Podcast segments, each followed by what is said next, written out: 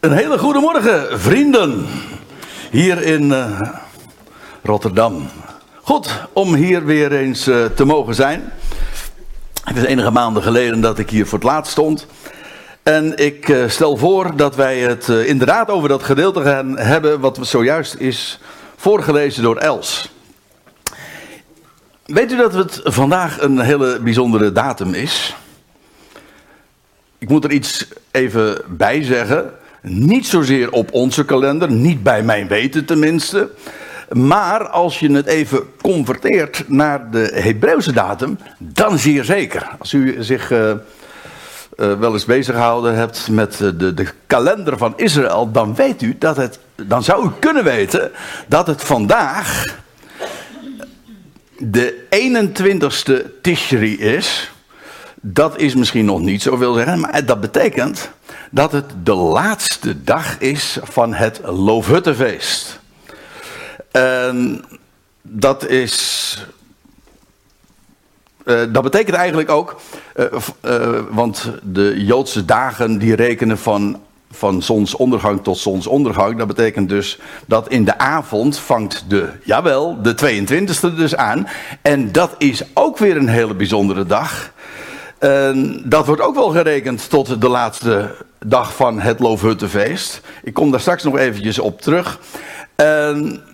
Ja, dat morgen, eigenlijk dus vanavond, begint de achtste dag van het Loofhuttenfeest. En dat wordt ook wel genoemd, ik zeg het eventjes kort door de bocht, want het is wat uh, genuanceerder dan ik het nu zeg. Maar dat valt samen met uh, een, de hoogtij Simchat Torah, de vreugde der wet. En dat is een, uh, de afsluiting eigenlijk van een reeks van dagen. En uh, u moet weten, er waren een drietal hoogtijden waarbij Israëlieten geacht werden, wanneer zij in het land waren, om naar Jeruzalem te trekken. En dat was met Pascha en met en, 50 dagen later ongeveer uh, met Pinksteren. En ook in de zevende maand, dat is in het najaar dus. Dat hangt er een beetje van af, want de Joodse kalender of de Hebreeuwse kalender, dat die is gebaseerd op de maan. En de onze op de zon. Dat betekent in de praktijk gewoon dus dat een nieuwe maand in bij de Joden. Dat geldt trouwens voor de moslims ook. Die hebben ook een maandkalender. Een nieuwe maand is altijd per definitie nieuwe maan. Zoals de vijftiende van de maand per definitie altijd dus volle maan is. Vorige week begon trouwens het Loofhuttenfeest, dus dat is de vijftiende. En dit is dus de, vandaag, op dit moment, de zevende dag. En vanavond begint dus de achtste dag. En dat Simchat Torah, waar ik het, nog, uh, waar ik het zojuist over had, dat is een uh, dag, ja, de naam zegt het al, de vreugde der wet. En dan viert men ook werkelijk het feest dat God aan het volk uh, de Torah heeft gegeven. Nou, laat ik even een aantal dingen uh, ter inleiding uh, zeggen over uh, dat gedeelte wat we zojuist hebben gelezen. Dan gaan we straks vers voor vers daar doorheen. Maar eerst eventjes vooraf.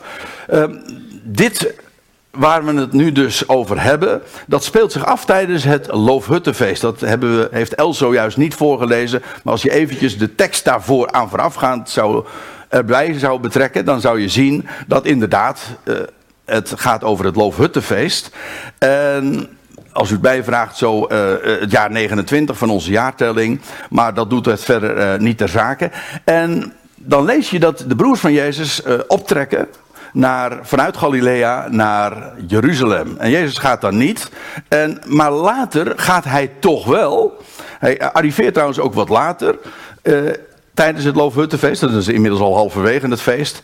En, maar dat deed hij stiekem. Hij ging op een verborgen wijze, staat er ook, uh, buiten zijn broers om. Ik hoop dat u ook een beetje met een dubbele bodem luistert. Uh, dat is een beetje raar gezegd, maar uh, ik bedoel dat u, dat u voelt dat hier meer achter steekt. Dat wil zeggen, zijn broers, zijn broeders die, uh, die hadden hier even niks mee te maken. Daar was het voor verborgen. Maar de Heer ging ook wel, maar verborgen. Oké. Zou, dit, is, dit Loofhuttenfeest is trouwens uh, exact een half jaar uh, gaat voor, een half jaar vooraf aan de, aan de kruisiging. Dus in het najaar, ergens in september, oktober, is de Heer Jezus dus. Uh, viert hij dit, deze hoogtij nog. En een half jaar later, dan praten we over de eerste maand van het jaar, uh, van het Joodse jaar. Toen is hij dus uh, gekruisigd. Dat was op de dag van het Pascha. Alles was voorzegd. Uh, het is zo bijzonder hoe al die hoogtijden een profetische betekenis hebben. Als je, als je eventjes helemaal voor, terzijde, maar de, er zijn eigenlijk twee groepen van hoogtijden. De, de, de, de, de hoogtijden in de eerste maand en de hoogtijden in de zevende maand. De hoogtijden in de eerste maand, uh, het paascha, de eerstelingsschoof, die zijn allemaal vervuld bij de eerste komst van Christus. Zoals de hoogtijden in de zevende maand, als de bazuin zal klinken, als de grote verzoendag voor het volk zal aanbreken, maar ook het loofhuttenfeest, al die hoogtijden hebben te maken met de tweede komst van Christus, als het Messiaanse Rijk zal aanbreken. Oké, nou, laten we maar uh, eens naar dat uh, gedeelte toe gaan en dan vers voor vers er doorheen gaan. En u ziet, ik ben dat gebruikelijk te doen, uh, onderaan ziet u dan de tekst ik weet niet of het helemaal goed uh, daarachterin mee te lezen is. Maar uh, nou ja, voor degenen die het later op internet bekijken, die kunnen dat dan op inzoomen. Maar in ieder geval, er staat de grondtekst, zoals dat in het origineel dus staat, met de meest letterlijke weergave. Oké. In vers 37 staat er dan, en op de laatste, de grote dag van het feest nu, stond Jezus. En het feest, dat is dus het loofhuttenfeest. En nou is de vraag, de meeste uitleggers zeggen, oh dat is de zevende dag voor het feest. Uh, en daar is wat voor te zeggen. Maar oké, laten we eventjes daarop inzoomen. Want wat, wat lees je in Leviticus... Oh. Dit is een wat andere afstandsbediening dan ik gewend ben. ja, in Leviticus 23... Daar vind je, dat is het hoofdstuk bij uitstek waarin we in goede orde uh, de, de, de hoogtijden van Yahweh, zo, want zo wordt dat dan genoemd. Het zijn maar niet Joodse hoogtijden, het zijn de hoogtijden van Yahweh. Hoe hij dat aan zijn volk heeft gegeven, Israël. En dan wordt daar uh, ook dus het Loofhuttenfeest uh, besproken en gezegd hoe dat zou gaan. En dan staat er in Leviticus 23, ik lees voor. Spreek tot de Israëlieten. Op de vijftiende dag van deze zevende maand uh, begint het Loofhuttenfeest voor Yahweh. Dus dit is de maand Tishri, zoals dat dan heet. En dat was dus, als je het eventjes naar deze tijd omzet, dat was vorige week zondag begon dat. Dat was dus trouwens ook uh, volle maan, hè? Ja. Dan begint het Loofhuttenfeest voor Yahweh zeven dagen lang. Aha. Aangezien de 21ste het nu is, is dit dus de laatste dag van het feest. Oké, maar lees even door. Uh, overigens, die zevende maand, daar moet ik er nog even bij zeggen. De zevende maand, de, de zeven, dat is echt zo'n getal waar je echt over struikelt. Want het is de zeven, zevende maand. Maar het is trouwens ook de zevende hoogtij in het boek uh, in Leviticus 23 de grote hoogtijden die beschreven. Dat, dit is nummer 7. En het duurt ook nog eens een keer zeven dagen lang. Nou, als er één getal is dat, uh, dat zeg maar, dit feest markeert, dan is het dus het getal 7. En het verwijst, laat ik dan even ook dat is misschien een beetje kort door de bocht, maar wel heel voor de hand liggend. Het verwijst naar uh, de, de grote Shabbat, de zevende dag die God gereserveerd heeft voor zijn volk.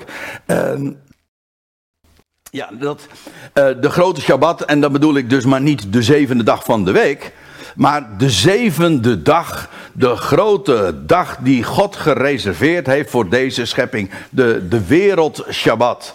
En dat is het Messiaanse Rijk en dat is trouwens ook, als u het mij vraagt, het zevende millennium. Ik bedoel, als je rekent vanaf Adam, dan zijn er zes millennia nu voorbij gegaan. En we staan op het punt van het zevende millennium dat gaat aanvangen. We zitten hier, we zitten echt aan het einde. Dus ja, Els die, die stelde zo, die vroeg zich zo af, zou het te maken hebben met de eindtijd? Uh, de dingen die we zien. Nou, uh, als u het mij vraagt, en dan heb ik het niet over de Oekraïne, begrijp me goed. Maar uh, de dingen die, we, die, we, die nu gaande zijn, hebben zeker te maken, dat kan niet missen, met dat wat voorzegd is en wat in de nabije toekomst gaat aanbreken. Oké, dat is even die millennium. Daar heeft die, dat Loofhuttenfeest ook alles mee te maken. En, heb je weer... Dan staat er over dat Loofhuttenfeest, ik lees even verder in Leviticus 23. Zeven dagen zult u Yahweh een vuuroffer brengen. Op de achtste dag zult u een heilige samenkomst hebben. Ah, dat begint dus vanavond. De achtste dag van dat Sukkot of het Loofhuttenfeest. Op de achtste dag zult u een heilige samenkomst hebben en Yahweh een vuuroffer brengen. Aha, er stond eerst zeven dagen zult u Yahweh een vuuroffer brengen. Op de achtste dag, wat moeten ze dan? Dan brengen ze de Heer een vuuroffer. Zeg dan is het toch acht dagen? Maar goed, uh, het is een feest. Nou, mijn stem wordt er niet beter op, geloof ik. Dat was de vorige keer dat ik hier stond ook al. Het zal toch niet met aan deze zaal liggen? nee, het is geen ontroering. nog niet. Uh, nee, ik, ik, uh, ik hoop dat het allemaal goed mag blijven gaan. Ja, het is een feest, een hoogtij. Geen slaafse arbeid zult u verrichten. Dan gaat het over die achtste dag. En dan staat er nog bij in vers 9. Doch op de uh, dan wordt er nog iets resumerends gezegd over dat Loofhuttenfeest. Doch op de vijftiende dag van de zevende maand, wanneer u de opbrengst van het land inzamelt, zult u zeven dagen het feest van Jahweh vieren. Op de eerste dag zal er rust zijn en op de achtste dag zal er rust zijn. En nou stel ik nog een keer de vraag, wat is nou de laatste, de grote dag van het feest? Wat zou u zeggen? Nou, we gaan niet, dat doen we niet democratisch, maar uh, lees wat er staat. Dan zijn er eigenlijk twee opties. De het feest duurt zeven dagen, dus de 21ste is gewoon de laatste dag van het feest, Loofhuttenfeest. Maar die achtste dag, ja, dat is, geldt kennelijk als een, een afsluiting, maar ook eigenlijk als een soort bijlage. Uh, en zo uh, wordt het trouwens ook uh, gevierd. Dus die achtste dag hoort er strikt genomen niet bij, en toch is stiekem wel. Ja, meer kan ik er niet van maken. Want zo, het, het heeft een wat geheimzinnige functie. Trouwens, ehm, over die achtste dag. Dit is ook een heel apart verhaal. Want de achtste dag, als je een beetje uh, kennis van de schrift hebt, dan weet je van hé, hey, dat ben ik wel eens vaker tegengekomen. Het eerste waar je aan denkt, lijkt mij, als je het hebt over de achtste dag, dat is de dag dat een Joods jongetje, een Israëliets, uh, een Israëlitisch uh, iemand van mannelijk geslacht, besneden zou worden op de achtste dag. ik, heb, ik heb er trouwens nog één. En als u mij vraagt, heb je dan ook meteen de vervulling? Uh, de eersteling schoof, dat lees je trouwens ook over in Leviticus 23. Die zou gebracht worden op de dag, er staat erbij, er wordt geen datum voor gegeven, maar er staat bij, daags na de Sabbat. Dan was het dus, je hebt de Sabbat en de dag daarna, de achtste dag. En dat is ook de dag, oh, je kon het eigenlijk uh, natuurlijk al van tevoren weten. Het is de dag dat de Heer Jezus opstond uit het graf. Als eersteling. Hij, hij stierf op de dag van het paascha. En hij stond op op de dag van de eerstelingsschoof, daags na de Sabbat. En trouwens, daar heb ik er nog één. Nou, de achtste dag vind je inderdaad nog wel op, uh, bij meerdere gelegenheden. Maar het is heel opmerkelijk. Dit is geen Bijbels argument. Maar uh, hoeveel zeven, hoe God werkt, uh, inderdaad, met zeventallen. En hoe wij die reeksen ook kennen. En ik, ik heb hier een muziekladder van Do, Re, Mi, Fa, Sol, La, Ti. En dat zijn er zeven. En dan krijg je de achtste. Maar dat is weer de eerste van een nieuwe reeks de octaaf. En oct betekent ook weer de achtste. Oktober betekent eigenlijk ook de achtste. Maar het is de tiende maand. Ja, om het ingewikkeld te maken. En november is de negende en december is de tiende. Dan, zou je dus, dan krijg je januari is de elfde en februari is de twaalfde. En dan weet u meteen waarom dat de schrikkelmaand is. Zodat oorspronkelijk, dat is de reden, het jaar begon te rekenen in maart. Ja, nou oké, maar dat eventjes uh, helemaal ter. Maar God, uh, en de weekdagen, ik bedoel, wij rekenen in weken, in zeventallen. En hoeveel kleuren zijn er? Die is een beetje lastig, want u zegt, ik zie tegenwoordig altijd vlaggen hangen en wapperen met, ook, met de regenboog. Maar die regenboog, die kunt u wel vergeten, want dat zijn er maar zes. Zes kleuren. Dan weet je meteen al dat niet klopt. En dat klopt.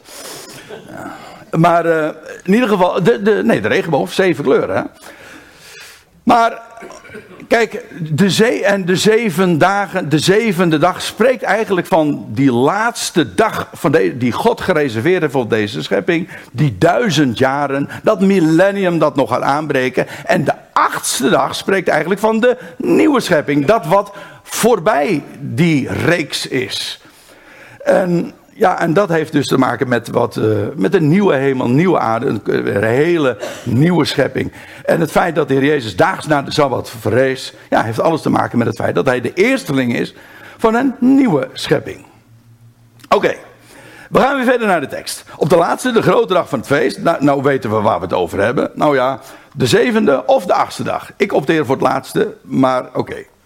Daar gaan we geen ruzie over maken stond Jezus, op die dag dus, stond Jezus en hij riep, zeggende, als iemand dorst heeft, laat hem naar mij toe komen en laat hem drinken. Waarom hij dat bij die gelegenheid zo zei, uh, ja, de gangbare verklaring is, en het lijkt mij heel een logische ook, is dat er tijdens dat Loofhuttenfeest vanuit Siloam, dat badwater, een waterprocessie plaatsvond. En ja, dan is de link met water natuurlijk eh, meteen gelegd. En dan ook deze uitspraak wat begrijpelijker. Het is niet zomaar uh, out of the blue dat, dat de Heer Jezus zoiets zei. Uh, maar hoe dan ook, hij zegt. Hij, uh,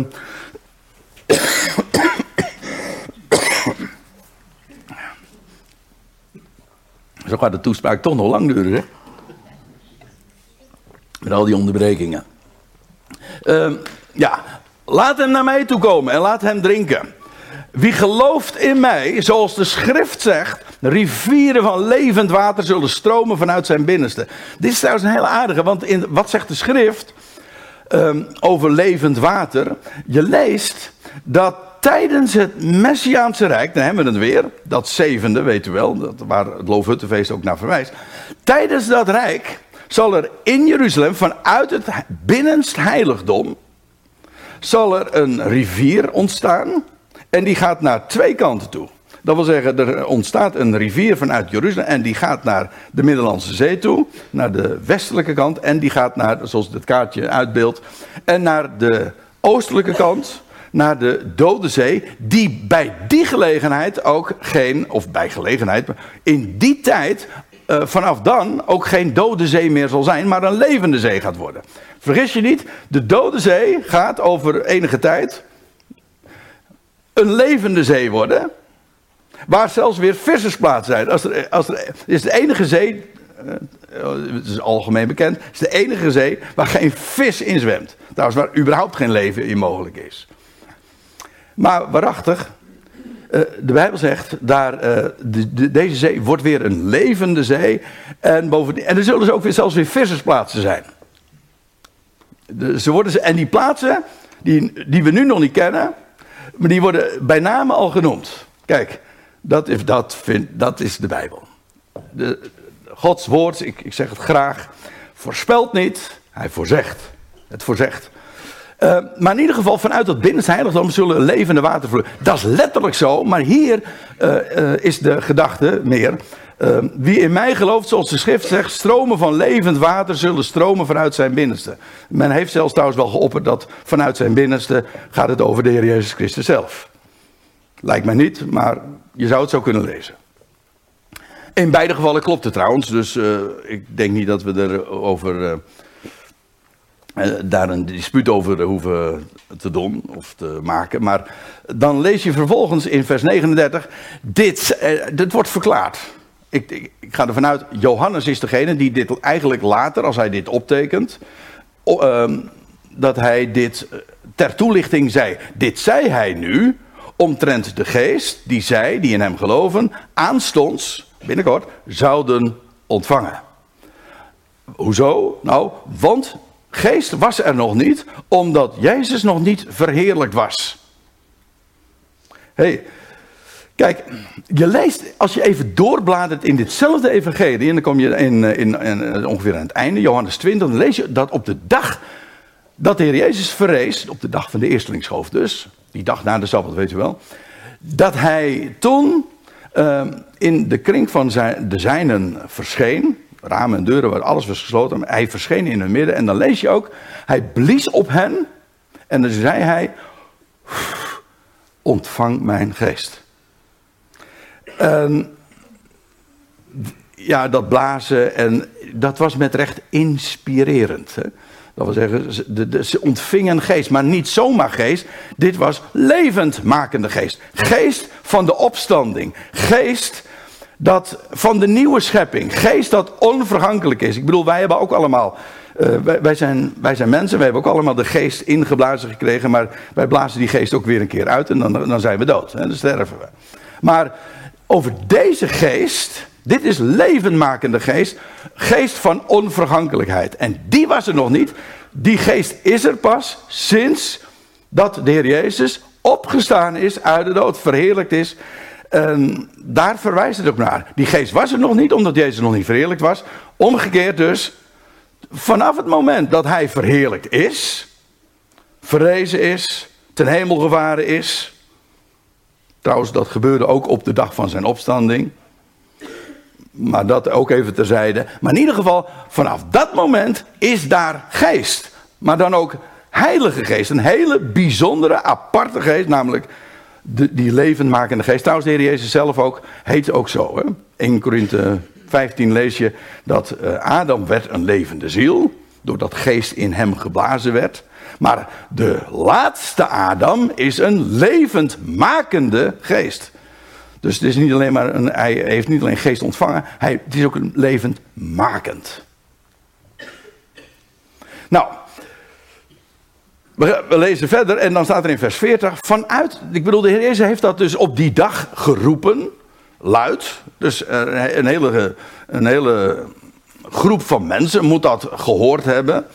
En dan, dan, dan, lees je vervolgens de reacties daarop. Vanuit de schade dan, die deze woorden hoorden, zeiden: uh, Deze is waarlijk de profeet.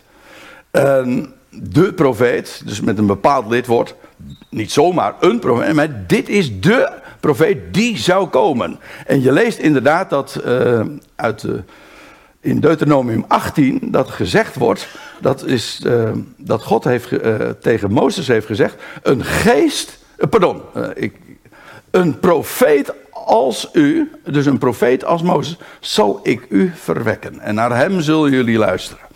En dat is, daar gaat het heel duidelijk over ja, de Christus die zou komen.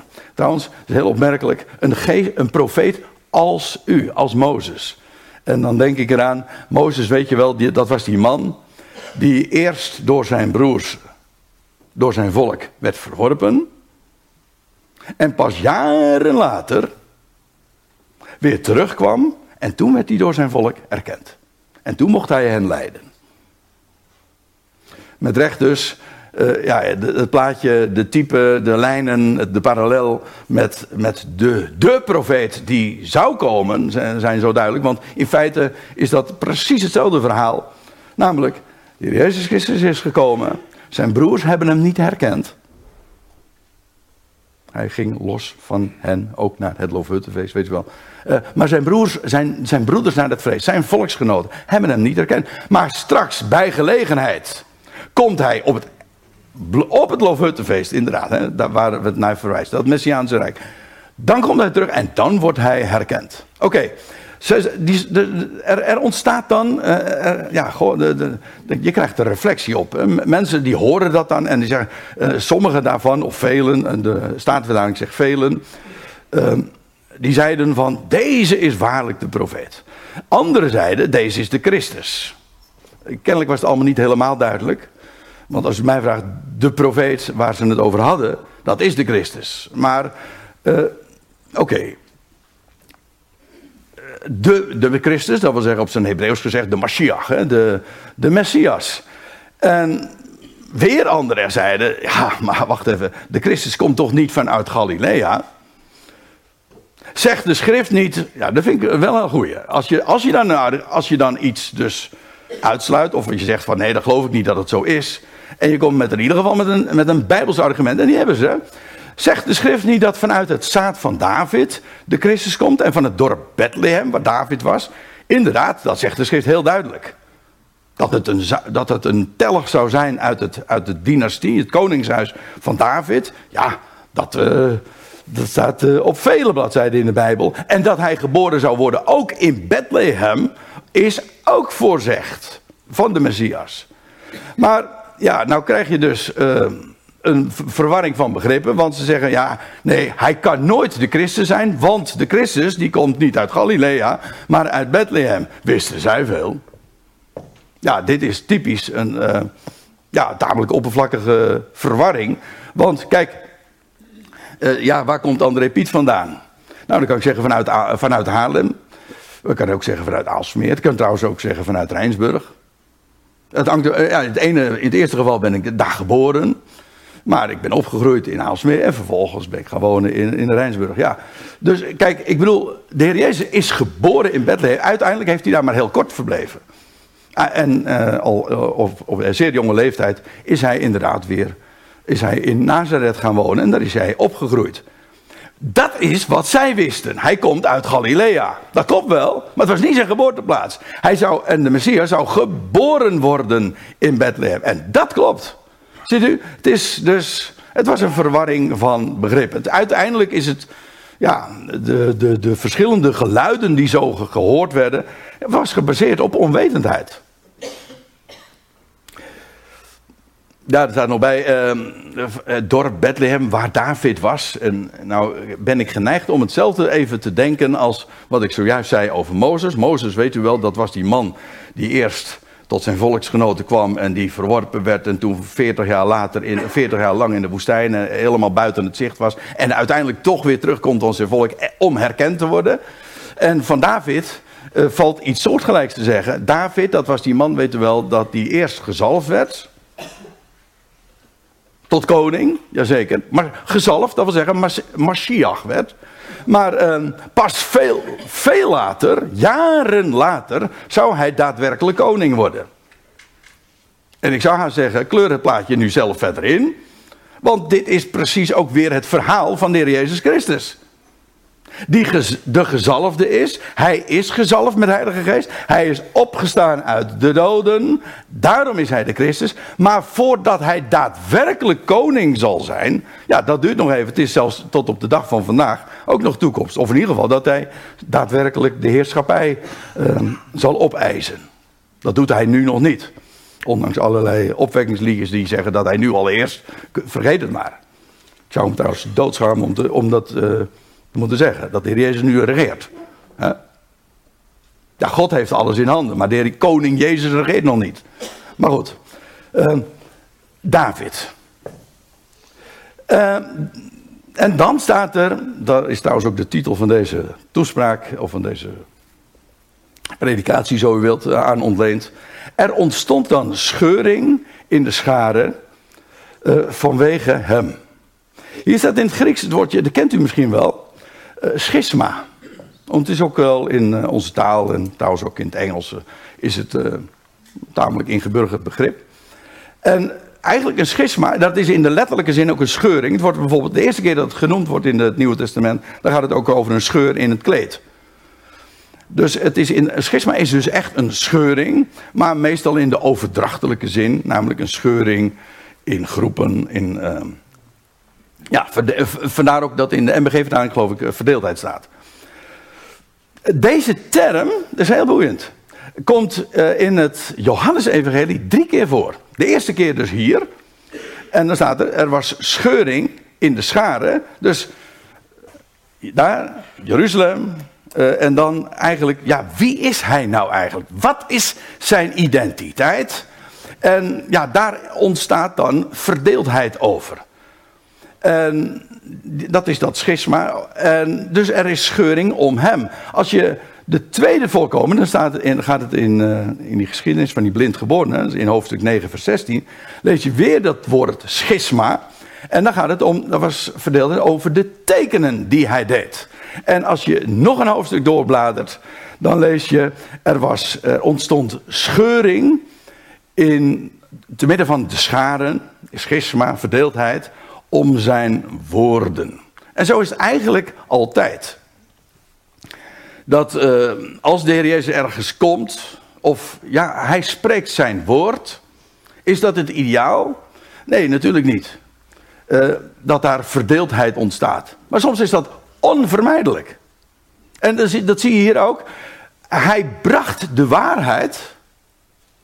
Ja, en, wat, en dan lees je de scharen die, on, die, uh, die raakt daaromtrent verdeeld. En om hem, om dat wat hij deed, om dat wat hij sprak. En dat is dat fenomeen van dat waar. Kijk, in een wereld waar de, waar de waarheid ten onder gehouden wordt, is het altijd zo dat waar je eh, de waarheid verteld wordt, dan wordt er ook degene die het spreekt gehaat. En roept het verdeeldheid op. En ja, dat is eigenlijk. Uh, wat je, nou met name in het Johannes-evangelie, daar komt inderdaad het woordje schisma ook, uh, zoals gezegd, ook een aantal keren voor. Maar iedere keer lees je uh, dat dat ook dan plaatsvindt. Trouwens, in de Korinthebrief lees je ook dat, dat Paulus daar ook over, daar gebruikt hij ook dit woord. En dan zegt hij van ja, uh, iedereen had zo zijn eigen partijleiders. En op een gegeven ogenblik zegt hij dan in 1 Korinthe 10, ja scheuringen, schisma's, moeten er wel onder jullie zijn, opdat de beproefden openbaar worden. Dus kijk, hoe negatief en hoeveel conflict dat ook met zich mee wil brengen. Eén ding moet duidelijk zijn. De beproefden, die worden openbaar. Dat wil zeggen, in dit geval ook. Degene die hem erkende als de Christus, namelijk en zijn claims serieus namen, dat wat hij sprak, geloofde, ja, die werden op deze wijze openbaar. Nou ja, dan lees je vervolgens nog in vers 44. Sommigen echter vanuit, uh, van hem, uh, vanuit, vanuit hen, vanuit de schade, die wilden hem grijpen. Dus dat, je, ziet, dat was maar niet een, een discussie onder hen. Nee, uh, dat werd echt, dat, werd, dat, dat liep heel hoog op. Want sommigen uit de schade wilden hem zelfs pakken, grijpen. Maar staat er, niemand sloeg de handen aan hem. Even eerder, in vers 30 van ditzelfde hoofdstuk lees je al dat, dat men eenzelfde poging deed. En dan staat er, ook toen lukte het niet. Er wordt niet gezegd waarom niet. Maar er staat wel iets bij. Zijn uur was nog niet gekomen. Het zou nog een half jaar duren. Weten wij nu, later. Zijn uur was nog niet gekomen. Dus ja, wat er ook gebeurde, ze wilden hem grijpen, maar wat dan ook. Iets uh, verhinderde dat. En vanuit de menselijke kant weet ik niet wat de reden is. Maar eigenlijk wordt het hier alleen maar vanuit de goddelijke kant bezien. Namelijk, ja, God wilde, uh, had een andere tijd, een ander tijdstip gereserveerd dat dat zou gebeuren. En nu nog niet. Vandaar dat het uh, toen nog niet lukte. De assistenten, de dienaren, zegt de MBG-vertaling, of de functionarissen dan, uh, die kwamen naar de hoge priesters en de fariseeën en zeiden: Waarom hebben jullie hem niet hierheen geleid? Oh, nou moet ik even iets vertellen. Want dat, uh, in, als je eerder in dit hoofdstuk leest, in vers 32, lees je dat de fariseeën en de hoge priesters, de overpriesters, die hadden een aantal mensen erop uitgestuurd, assistenten dus, hè, om hem te grijpen. En nu komen zij terug. Onverrichte zaken eigenlijk. Ja, eigenlijk. Onverrichte zaken. En, ja, en ze vragen, waarom hebben jullie hem niet hierheen geleid? Dat, dat was toch jullie opdracht. Jullie missie was om hem te grijpen en om hem hier te brengen. En dan komen ze, en dan komen ze bij, hem terug, bij hen terug. Moet je nagaan trouwens, eventjes. Er staat de hoge priesters en de fariseeën. Ik zal je dit vertellen.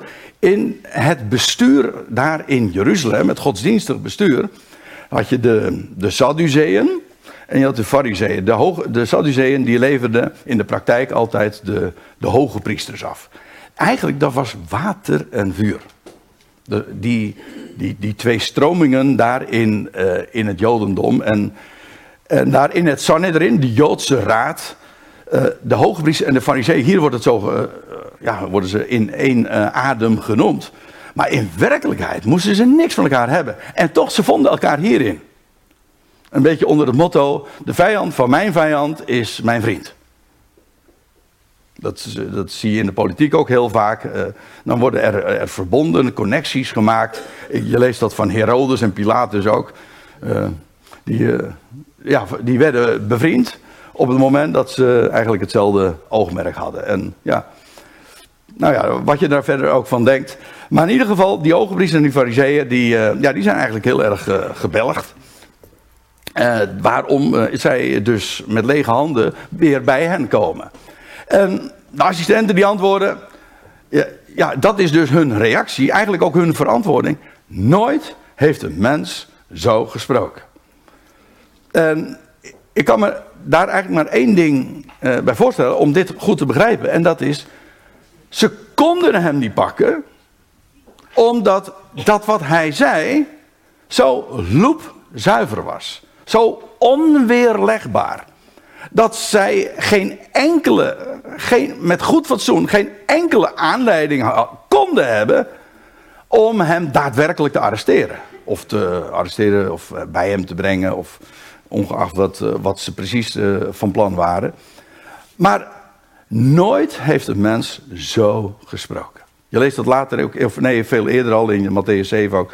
Dat hij, hij sprak niet zoals de schriftgeleerden en de fariseeën, want zijn woord was met gezag.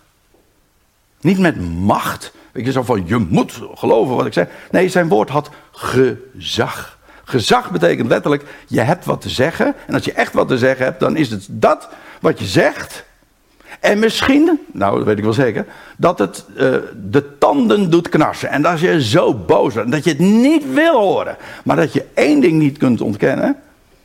Ik vind het vreselijk om te horen, maar één ding moet ik toegeven, het is wel waar. En daar gaat het maar om. Kijk, dan heb je gezag. En dat was ook wat eigenlijk deze assistenten feitelijk vertellen. Ja, we kunnen, we kunnen wel uh, hoezo pakken. Zijn woord is is, is zo onweerlegbaar. En nooit heeft een mens zo gesproken. En dan uh, die hele. Uh, ja, dan dat deden. Moet je, moet je lezen. Vers 47. De fariseeën die antwoorden hen. Jullie zijn toch ook niet misleid? En, en, nou, en dan. Zij, kijk, dat is. Het louter feit dat zij met deze reactie terugkwamen.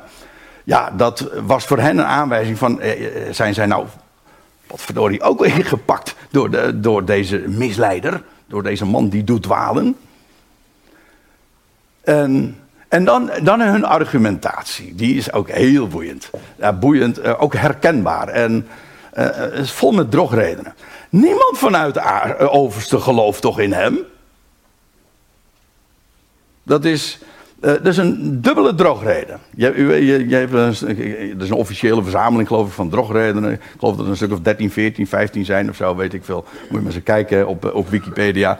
Drogredenen. Dat was, een drogreden is een bedriegelijk motief, een bedriegelijke redenering. Die een, dus wel, omdat het bedriegelijk is, een schijn heeft van juistheid maar niet solide is. En de dubbele droogreden hier is, het, dat noemen ze dan het, eh, het uh, autoriteitsargument. Het, dat wil zeggen, dat, bijvoorbeeld als ik zeg van, nee dat is echt waar, want ik heb het op internet gelezen. Zoiets. Hè? Of, nee dat, dat is echt waar hoor, want de paus heeft het gezegd. Nou, dat is hier niet zo erg overtuigend geloof ik, maar... Uh, voor mij ook niet. Maar uh, begrijp je, da, dan beroep je. Kijk, het idee is dan. Dat, in feite is het niet eens direct een, een drogreden. Je beroept je op een autoriteit. Maar de vooronderstelling daarvan is. dat waar je je op beroept. dan inderdaad wel juist is. Dat, dat, dat wordt daarbij aangenomen. de overste hebben gelijk. En natuurlijk hebben wij gelijk. Hè? Wij, wij hebben wij, uh, wij bezitten, zoals dat zo'n instelling op de, de laatste, dat World Economic Forum, die wij, wij bezitten de waarheid. Nee, hoe, zeiden ze dat van de week? Of een paar weken geleden had er zo'n dame iets gezegd. Die, wij, wij bezitten de wetenschap. Wij weten het. en als het dus niet, als het niet overeenkomstig is met wat wij zeggen, dan is het dus niet. dan is het geen wetenschap. Want wij hebben de autoriteit. En als je dat dan nog op allerlei manieren kunt afdwingen. Ja, Nou ja, weet je, dat is, dat is dat autoriteitsargument. En wij hebben gelijk. Wij hebben hier Jeruzalem in handen. Godsdienstig was het aan hen gedelegeerd. Zij hadden dat, dat, dat die tempel ter beschikking. En uh, ja, hen tegenspreken. Zij waren trouwens als de dood dat Jezus. Uh, want ja, zij merkten wel dat er heel veel affiniteit onder de schade was met hem. Juist omdat iedereen wel doorhad van wat deze man zegt, ongeacht hoe het precies zit, maar wat hij zegt en wie hij is, dit is zo bijzonder. En dit moesten ze de kop indrukken, want ze zagen namelijk echt erbij hangen. Dat lees je later ook echt heel uitdrukkelijk in, in Johannes 10, als ik me niet vergis. Ja, Johannes 10 of 11. Dat, uh, hij, uh, dat ze dan ook bij elkaar komen. En dan zeggen ze, ja, als we hier dit niet, als we hem niet inderdaad, sorry dat ik het zo zeg, een kopje kleiner maken dan, ja, dan, wordt, dan komen de Romeinen en die, uh, die, uh, die, gaan je, die zullen gewoon de stad gaan innemen. En dan zijn we en de tempel kwijt en, en ook ons gezag over het volk. Kortom, dan zijn we gewoon onze, onze positie ineens kwijt. En dat wat we hier bezitten. En koste wat het kost, moest dat behouden worden. En zij waren, ja, zij bezaten de autoriteit, zij waren de overste.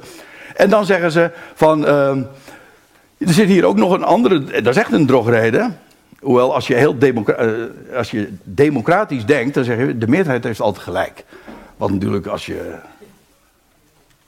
Ja, uh, het is, in de democratie is het zo, de, de helft plus één, ja, die, die, die, die mag, die mag de, de mening dan uitvoeren. Dat is, dat is wat, zoals democratie werkt, de helft plus één. Ja, maar als het gaat om de waarheid, wat je ook van democratie vindt, maar als het gaat om de waarheid, de waarheid is niet democratisch, zal ik u dat vertellen. En ik, ben, ik dank God op mijn blote knietjes dat dat zo is. Als echt de hele wereld. Dat 2 plus 2 5 is. Is 2 plus 2 dan 5? Nou, volgens het meerderheidsargument van iedereen doet dat toch. Of iedereen, iedereen weet dat toch. Of de grote instanties die zeggen dat toch. Ja, en? Nou, hier zie je dat argument uh, ook. I, niemand van de overste uh, gelooft in hem. Wat trouwens niet waar was. Want, of vanuit de fariseeën. Dit was een, ja, een onjuiste waarneming. Sowieso. Je leest namelijk van. Van, ehm, van Nicodemus. We komen hem straks weer tegen. dat hij wel degelijk geloofde en van een Jozef van Arimathea. Dat waren twee mannen uit het Sanhedrin. En die geloofden wel in hem. Maar ik moet erbij zeggen, het, dat was stiekem. Ze durfden het niet openlijk voor uit te komen. En vandaar ook dat het de schijn had dat allen van de overste niks van die Jezus van Nazareth moesten hebben.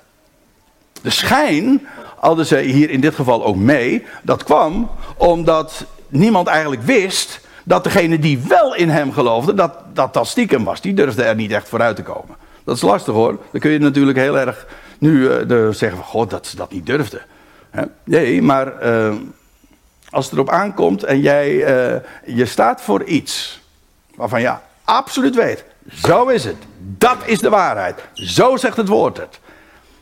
En iedereen zegt het is niet. En, en, als ze dan, en ook allerlei sancties aan verbonden worden. Ja, blijf dan nog maar eens gewoon op je positie staan. En je niet gek laten maken. Er komt, komt heel wat. En als je je positie daardoor kwijtraakt. Dan kost het wat hoor. Dus uh, ga nou Nicodemus en die Jozef van Arimathea en wie er nog meer geweest zijn. niet al te hard val, uh, daarover vallen. Want uh, in de praktijk is dit gewoon. Want je kunt zeggen van nou de waarheid. Je gelooft de waarheid en je spreekt ervan en er is toch niks aan de hand. Nee, eh, zo gezien. Eh, en trouwens, je hebt, laten we wel wezen. We hebben een blijde boodschap. Zo'n geweldige goede tijding. Dan moet iedereen toch blij mee zijn? Nou, dan zeg ik, probeer het maar eens uit. In de, het is het mooiste. Ik kan, ik kan met, hand, met hand op maar zeggen. Het is, het is het mooiste wat een mens. Uh, zelfs al zou je iets mogen bedenken. Het allermooiste. Dan zeg ik. Dan nog uh, haalt het niet bij wat het evangelie zegt. Dat er een God is, die alle dingen wel maakt, die alles in zijn hand heeft, die alles tot een goed einde brengt door zijn zoon, et cetera, en leven gaat geven. Dat is het mooiste wat er is. En weet u wat het, de, de aardigheid, nou dat vind ik een, slechte woordkeuze in dit verband, maar uh, de onaardigheid dan, oké, daar ervan is, op het moment dat je het vertelt, is daar het gat van de deur. Zeker bij de, heb je, daar heb ik het hier vooral ook over, de religieuze autoriteiten. De, de, instanties, de grote instellingen. Vertel het maar eens een keer. Vertel maar eens een keertje hoe wat de schrift zegt. Dus ja, om, om, uh, om, om, uh, om populair te worden, moet je, dat, moet je dat dus niet vertellen. Ja, ja dat is. Uh, en, en dat kan je heel, heel veel kosten. En, maar goed, die, uh, die oversten die dus uh, gebelgd zijn over het feit dat, dat, dat die, die assistenten Jezus niet hebben gearresteerd of gepakt. Uh, ja, die geven dus dit soort argumenten. En dan zeggen ze nog iets. dat hele, dat, die, die minachting, dat dédain, waar dan ze zeggen, maar deze schare die de wet niet kent. Weet je wel, eigenlijk, omdat daar eigenlijk heel veel support was. Daar was onder het volk als wij zeggen dat het, het volk Jezus heeft afgewezen, dan moet je er eigenlijk iets bij zeggen, namelijk de representanten van het volk. Getalsmatig had Jezus namelijk heel, dat lees je heel dikwijls in de Bijbel, in, in, in de evangelie, dat de scharen graag naar hem luisteren. Alleen de autoriteiten, die konden er totaal niet mee overweg. Dus ja, uh, je leest trouwens ook dat, uh, dat was ook de reden, nog eventjes, uh, dat was ik vergeten te zeggen. Je leest ook dat als er mensen waren, niet alleen uit het overste, maar als mensen openlijk voor hem uitkwamen, daar in Jeruzalem, dan werden ze uit de synagoge gebannen. Laat staan dat je in het Sanhedrin nog een plaats zou hebben. Met andere woorden, ja, dan was je, als je op het moment dat je daar vooruit komt, toen de tijd daar vooruit kwam, nou, dan, was je, dan, dan kon je het wel vergeten. Dan ben je gewoon eigenlijk een outcast. Dan ben je er buiten geworpen en maakte je er geen deel van uit. Is dat een aangename positie? Nee.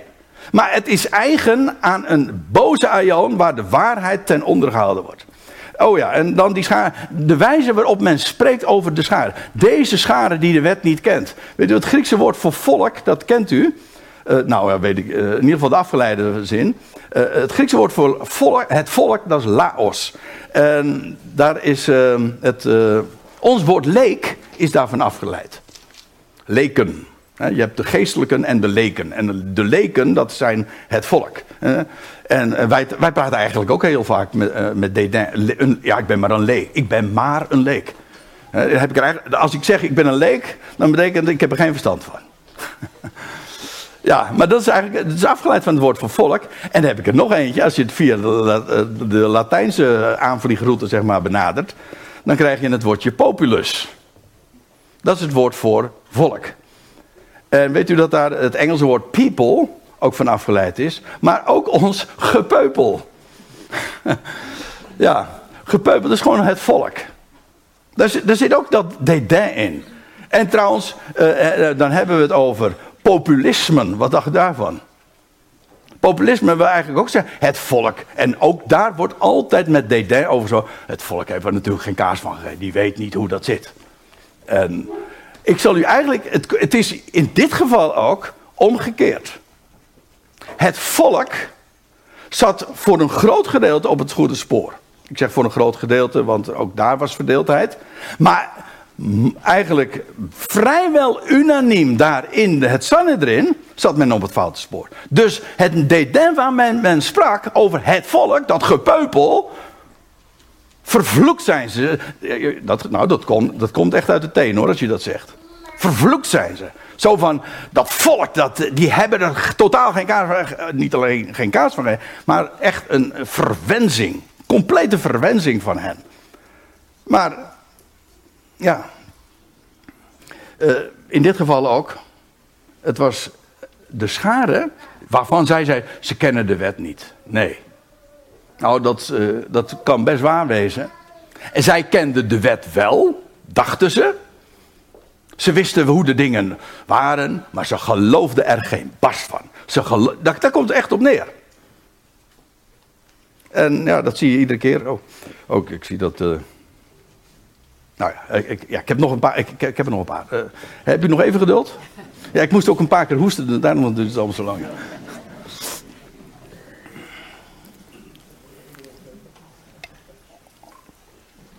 En als je over water uh, spreekt, ja, dan, uh, krijg, dan krijg je dorst van. Oké, okay, Nicodemus, die eerder naar hem toe kwam, een vanuit hen, die zei tot hen... Nicodemus, hè, die was ooit in de nacht bij hem gekomen, je leest erover in ditzelfde evangelie. Nicodemus, de overwinnaar van het volk trouwens, betekent demos, hè? volk. Nico is de overwinnaar. Die, uh, die zei tot hen, kijk, dat, die Nicodemus, dat was nou iemand die eigenlijk in het geniep of uh, verborgen, vandaar ook dat hij s'nachts tot Jezus kwam, want hij wilde niet gezien worden. Maar die neemt het dan toch op, zonder Jezus bij name te noemen. Maar hij zegt, de wet van ons oordeelt toch niet een mens als, als men niet eerst van hem hoort en weet wat hij doet. De gewone rechtsgang is dat we toch eerst fatsoenlijk naar iemand luisteren, zodat daar hoor en wederhoor plaatsvindt. Dat is toch recht? En dan, en dan ook meteen weer, zij antwoorden zij dat, ben u soms ook uit Galilea? Wat trouwens niet waar was, wisten zij ook wel. Maar van, zo van, nou lijkt het net alsof u ook uit Galilea uh, komt. En uh, dit is trouwens ook over drogreden gesproken, dit is ook een drogreden. Dat noemen ze op de man spelen, ad hominem. Van, uh, dit, is geen, dit is geen argument. Maar dan ga je, dan ga je puur op de man spelen van, oh, jij komt ook uit Galilea. Dus jij bent ook zo een. Nou ja. En dan zeggen ze doorzoek. En let op dat vanuit Galilea geen profeet opstaat. De Statenvertaling is onjuist. Hierin trouwens, moet ik bij zeggen. Want die staat, is opgestaan. Dat staat er niet in, in de grondtekst. Zou ook niet kloppen trouwens. Want uh, we weten van Jona dat hij uit Galilea kwam. En van Nahum ook. Die kennen we allemaal nog, want hij, weet je waar Nahum uh, gewoond heeft? In Kvarnachum. Kvarnahum, ja. Capernaum. Maar goed, uh, dus dat klopte niet, dat wisten, ze, dat wisten ze ook wel. Maar zij zeiden van, uh, geen de profeet zou niet opstaan daar in, in oh, die, die zou niet daar opstaan in Galilea. Nou, het wordt inderdaad tijd, want ik zie naar uh, mijn klokje, uh, om af te sluiten. Laat het dit duidelijk zijn. In deze, dat was 2000 jaar geleden. En nu nog steeds de waarheid dat in de wereld, ook de godsdienstige wereld, moet je niet met de waarheid omkomen, aankomen. En roep dat ook altijd verdeeldheid op. So be it. Laat het nooit een reden zijn om de waarheid niet gewoon onverkort te vertellen. Dat is het enige wat telt. Dat is het enige wat telt. Aantallen, macht, het zegt niks. Het woord, dat wat geschreven staat, dat is wat telt. En ja, en, en komt daar ook vooruit. Dat is waar het ook om gaat. En weet je wat de allermooiste manier daarbij is? En dan kom ik weer terug bij waar ik begonnen ben. Wat de Heer Jezus zei. Als je dorst hebt, kom tot mij en ik zal je, en ik zal je levend water geven. En het zal in je worden tot een uh, tot rivieren, tot een bron. En het zal uit je binnenste stromen. En dat is geen wet. Dat wil zeggen, zo moet het niet. Dat zeggen ze vaak. Hè? Je moet er wel van het evangelie spreken. Ik denk, alsjeblieft, hou je mond. Als het zo moet, dan kun je het beter niet doen. Er is maar één goede reden en dat is drink van het levende water. En weet je wat het mooie daarvan is? Dan kun je er niet eens meer voor je houden. Probeer dat maar, dat is net als met een hoesbui, weet je wel. Uh, ja, ik, ik, wil, ik wil het wel in, maar het lukt niet. Nou, en dan, dat is de allerbeste. Drink van het levende water. En dat zal in je worden tot een fontein en tot een bron van rivieren. Ik stel voor dat wij een lied gaan zingen. Over de...